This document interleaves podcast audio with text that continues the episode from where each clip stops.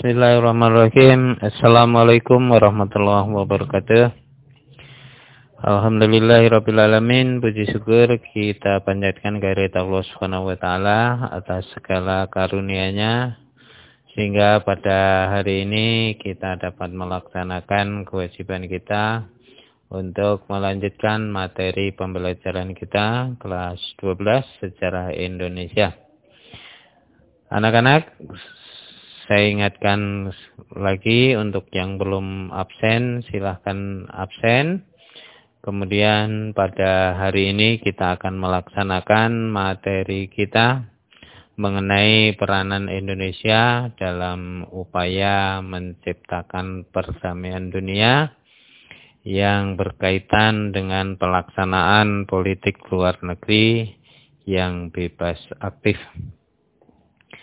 Anak-anak, dalam materi ini kita akan membahas mengenai peranan Indonesia dalam upaya menciptakan perdamaian dunia. Dengan materinya adalah yang pertama konferensi meja bundar. Dan yang kedua ada misi Garuda Indonesia. Dan yang ketiga ada deklarasi Juanda yang keempat ada gerakan non-blok.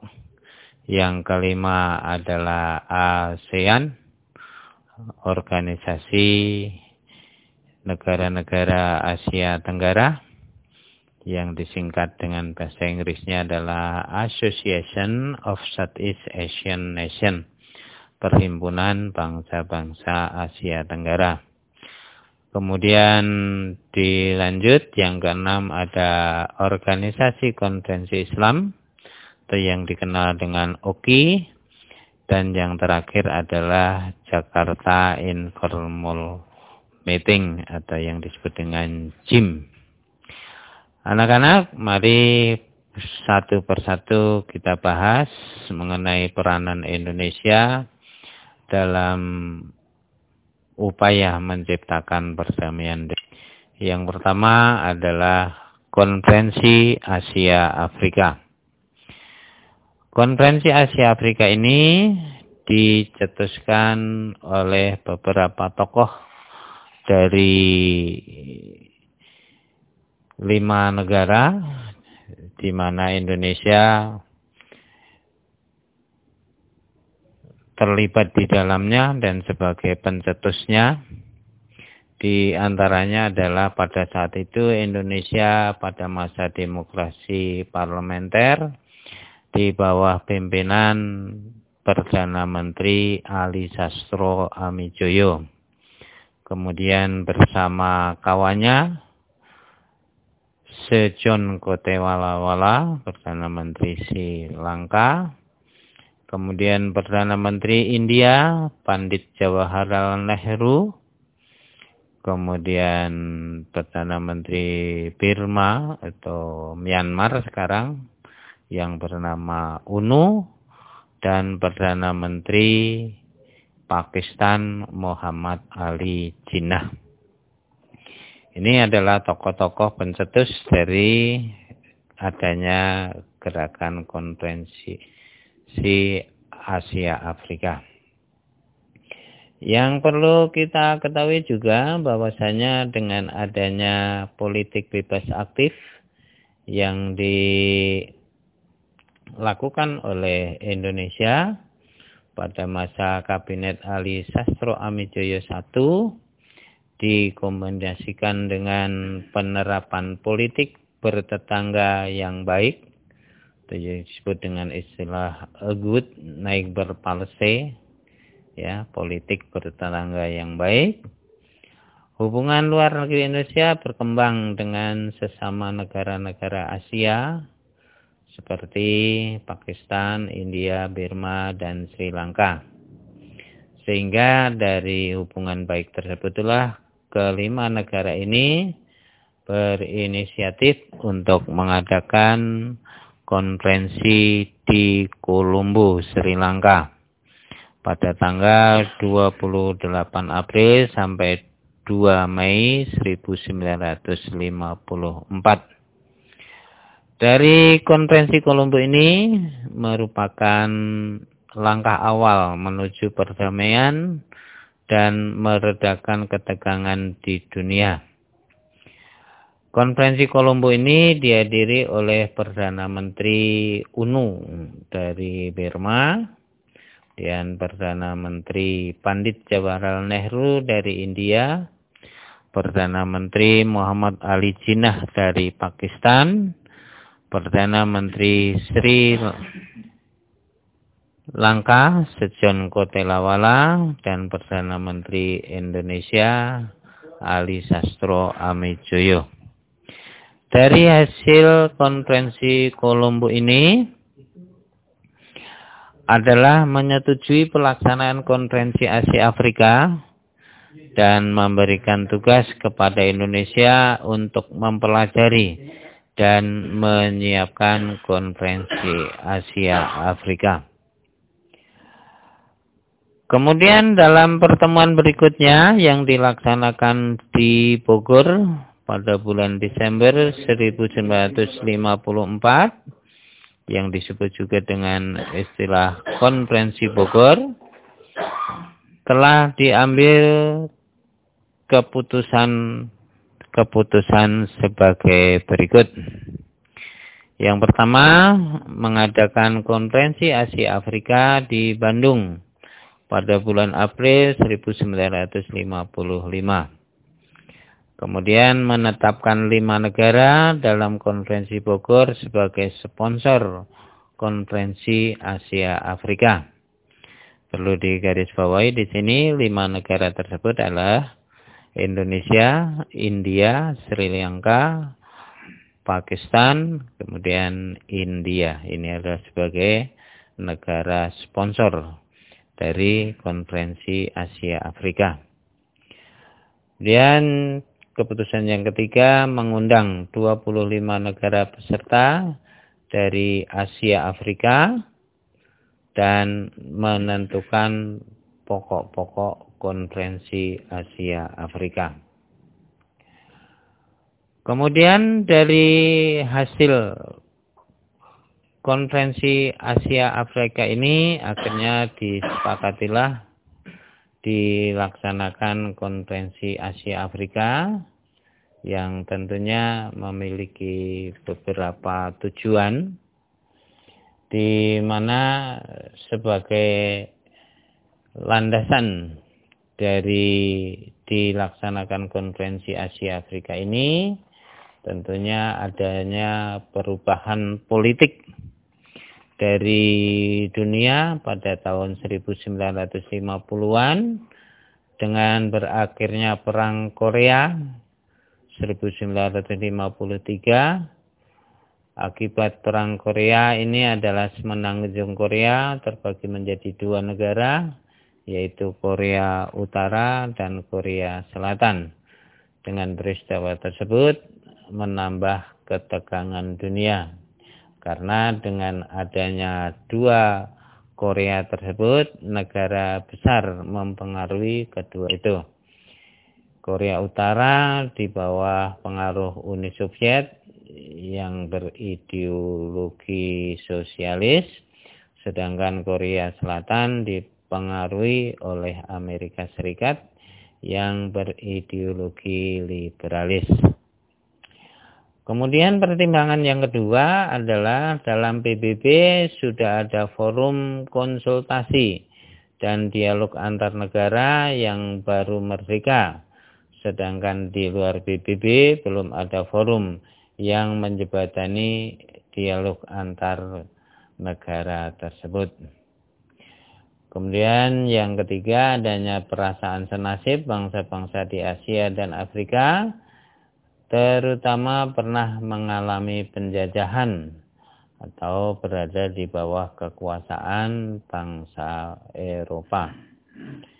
Dan yang keempat, adanya perasaan sebagai negara yang masih terbelakang dan berkembang Kemudian ingin menggalang kekuatan negara-negara di Asia dan Afrika agar mendukung perjuangan merebut Irian Barat. Inilah secara khusus kalau kalian Perhatikan bahwasanya satu keuntungan bagi bangsa Indonesia melaksanakan konferensi Asia Afrika adalah mendukung perjuangan untuk mengembalikan Irian Barat ke wilayah Indonesia karena pada saat itu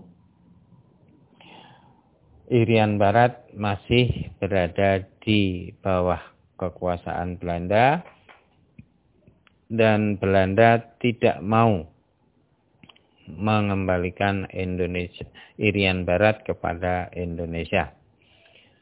Kemudian yang berikutnya latar belakangnya adalah memiliki kedekatan yang kuat karena dihubungkan dengan faktor keturunan, agama, dan latar belakang sejarahnya. Dan yang terakhir berdasarkan letak geografisnya, letak negara-negara Asia dan Afrika saling berdekatan. Inilah anak-anak sebagai latar belakang diadakannya konferensi Asia Afrika dan selanjutnya dengan pertemuan-pertemuan tadi yang sudah saya katakan ada pertemuan di Sri Lanka, Kolombo, kemudian ada konferensi di Bogor Desember 1954 akhirnya dilaksanakan konferensi Asia Afrika di Bandung yang dilaksanakan pada tanggal 18 sampai 25 April 1955.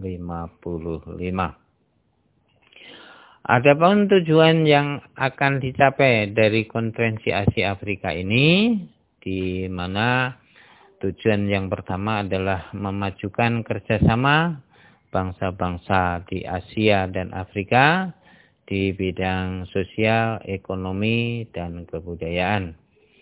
Kemudian memberantas diskriminasi ras dan kolonialisme.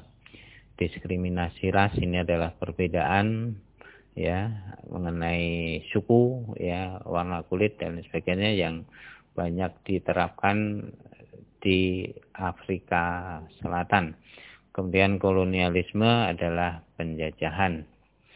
Dan yang ketiga, memperbesar peranan bangsa Asia dan Afrika di dunia dan ikut serta mengusahakan perdamaian dunia dan kerjasama internasional.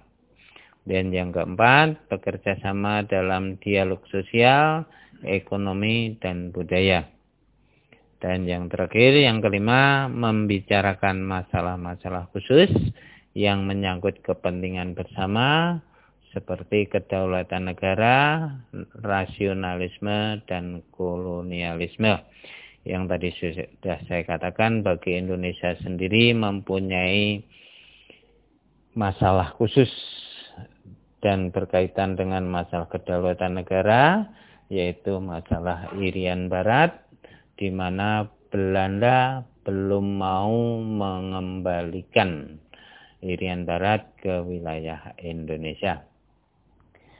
Kemudian yang berikutnya di dalam konvensi Asia Afrika tersebut telah dibicarakan berbagai masalah dan dalam hal ini adalah untuk meningkatkan kerjasama terutama di bidang ekonomi, kerjasama bidang budaya, kemudian hak asasi manusia dan menentukan nasib sendiri.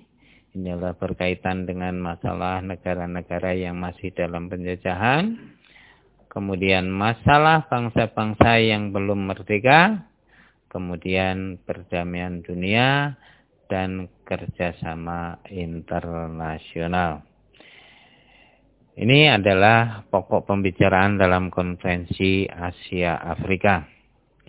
Kemudian anak-anak dalam pelaksanaan konferensi Asia Afrika yang dilaksanakan pada 18 sampai 25 April 1955 di Gedung Asia Afrika Bandung dihadiri oleh 24 negara dan 5 negara sponsor.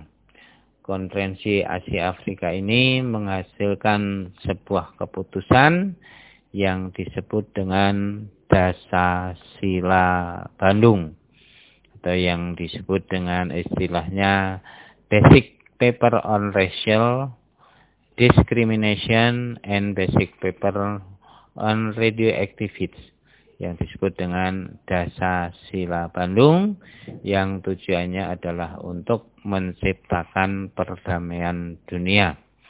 Sehingga di dalam kaitan ini isi Dasa Sila Bandung yang pertama ada menghormati hak dasar manusia sebagai yang tercantum dalam piagam PBB menghormati kedaulatan dan integritas teritorial semua negara, mengakui persamaan semua bangsa, baik besar maupun kecil, tidak melakukan intervensi atau campur tangan persoalan dalam negeri negara lain, menghormati hak-hak setiap bangsa untuk mempertahankan diri baik secara sendirian maupun secara kolektif sesuai dengan piagam PBB. Tidak melakukan tekanan-tekanan terhadap negara lain, tidak melakukan tindakan-tindakan atau ancaman-ancaman agresi terhadap keutuhan wilayah atau kemerdekaan negara lain. Menyelesaikan perselisihan, perselisihan internasional dengan jalan damai sesuai piagam PBB. Memajukan kerjasama untuk kepentingan bersama, menghormati hukum dan kewajiban-kewajiban internasional. Inilah isi dari Dasa Sila Bandung yang merupakan keputusan dalam konferensi Asia Afrika. Dengan demikian, melalui dasar sila Bandung tersebut, juga diperjuangkan perdamaian dunia dengan meredakan ketegangan internasional akibat perang dingin. Semangat konferensi Asia Afrika untuk tidak berpihak kepada blok barat dan blok timur telah mendorong lahirnya gerakan non-blok terlaksanakan terlaksananya konferensi Asia konferensi Asia Afrika ini tidak bisa lepas dari peran Indonesia. Di samping sebagai salah satu pelopor dan pemrakarsa konferensi Asia Afrika di Indonesia, juga sebagai tempat penyelenggaraan konferensi Asia Afrika. Hal inilah yang membuktikan prestasi Kabinet Ali Sastro Amijoyo yang berhasil menyelenggarakan suatu kegiatan yang berisi bersifat internasional. Sehingga dengan adanya konferensi Asia Afrika ini memiliki makna penting. Di antaranya adalah yang pertama merupakan pendorong kemerdekaan bangsa-bangsa di Asia Afrika untuk lepas dari cengkeraman imperialisme dan kolonialisme barat. Dan menjadi pendorong lahirnya gerakan non-blok merupakan pencetus semangat solidaritas dan kebangkitan negara-negara di Asia dan Afrika dalam menggalang persatuan. Memberikan harapan baru bagi bangsa-bangsa yang sudah ataupun yang belum merdeka. Dan mulai diikutinya politik luar negeri bebas dan aktif yang dijalankan oleh Indonesia, yaitu India, Myanmar, dan Sri Lanka. Dan diakuinya nilai-nilai desa sila Bandung oleh negara-negara maju karena telah terbukti memiliki kemampuan dalam meredakan ketegangan dunia. Kemudian yang terakhir, mulai dihapuskannya praktik-praktik politik diskriminasi ras oleh negara-negara maju. Inilah dari peran konferensi Asia Afrika bagi negara-negara di Asia Afrika yang tentunya memiliki arti yang sangat penting bagi bangsa Indonesia untuk melaksanakan politik luar negeri yang bebas aktif. Dan sekali lagi dengan adanya konferensi Asia Afrika memberikan dukungan moral bagi bangsa Indonesia untuk mengembalikan Irian Barat dari tangan Belanda. Ini adalah materi yang pertama. Kemudian yang kedua adalah adanya misi Garuda. Misi Garuda ini adalah adanya bentuk dukungan bangsa Indonesia kepada PBB untuk menciptakan perdamaian dunia. Kemudian yang kedua, misi Garuda bertugas sebagai peacekeeping force atau pasukan pemelihara perdamaian. Kemudian ada beberapa konflik yang pernah diredam oleh misi Garuda. Di antaranya ada konflik di Kongo, konflik di Vietnam, konflik di Timur Tengah, dan konflik di Kamboja, serta adanya konflik di Bosnia. Yang kita tahu dari konflik-konflik ini ya secara wilayah di Kongo itu di Afrika, Vietnam di Asia Timur, di Timur Tengah, kemudian Kamboja itu terjadi perang saudara dan konflik Bosnia itu adalah di Yugoslavia. Kemudian misi Garuda juga melaksanakan kegiatan amal, di antaranya ada pembangunan dan perbaikan fasilitas umum, pengobatan serta pendidikan bagi anak-anak di sekitar wilayah konflik. Kemudian dari adanya misi Garuda inilah yang perlu kita pahami adalah bahwasanya peran dalam stabilitas keamanan dunia secara aktif dapat dilihat dari pengiriman pasukan misi perdamaian yang bernama pasukan Garuda. Dan pada masa Perang Dingin, peningkatan intensitas konflik antar negara di Asia Tenggara menjadi fenomena yang mengancam stabilitas regional. Seperti munculnya kekuatan komunis di berbagai negara, misalnya Vietnam dan Kamboja. Untuk membahas penyelesaian pertikaian Kamboja di Jakarta diadakan pertemuan pada tanggal 15 sampai 17 Mei 1970 dengan tujuan mewujudkan kondisi damai di kawasan Asia Tenggara. Pada tanggal 23 Januari 1973 berdasarkan pada persetujuan Paris, Indonesia terpilih menjadi salah satu anggota yang duduk dalam International Commission for Control and Supervision atau ICCS di mana anggotanya ada Polandia, Hungaria, Iran, dan Indonesia yang bertugas untuk mengawasi latan senjata di Vietnam Selatan. Dalam pelaksanaannya Indonesia berpartisipasi dalam mengirimkan pasukan misi perdamaian dunia.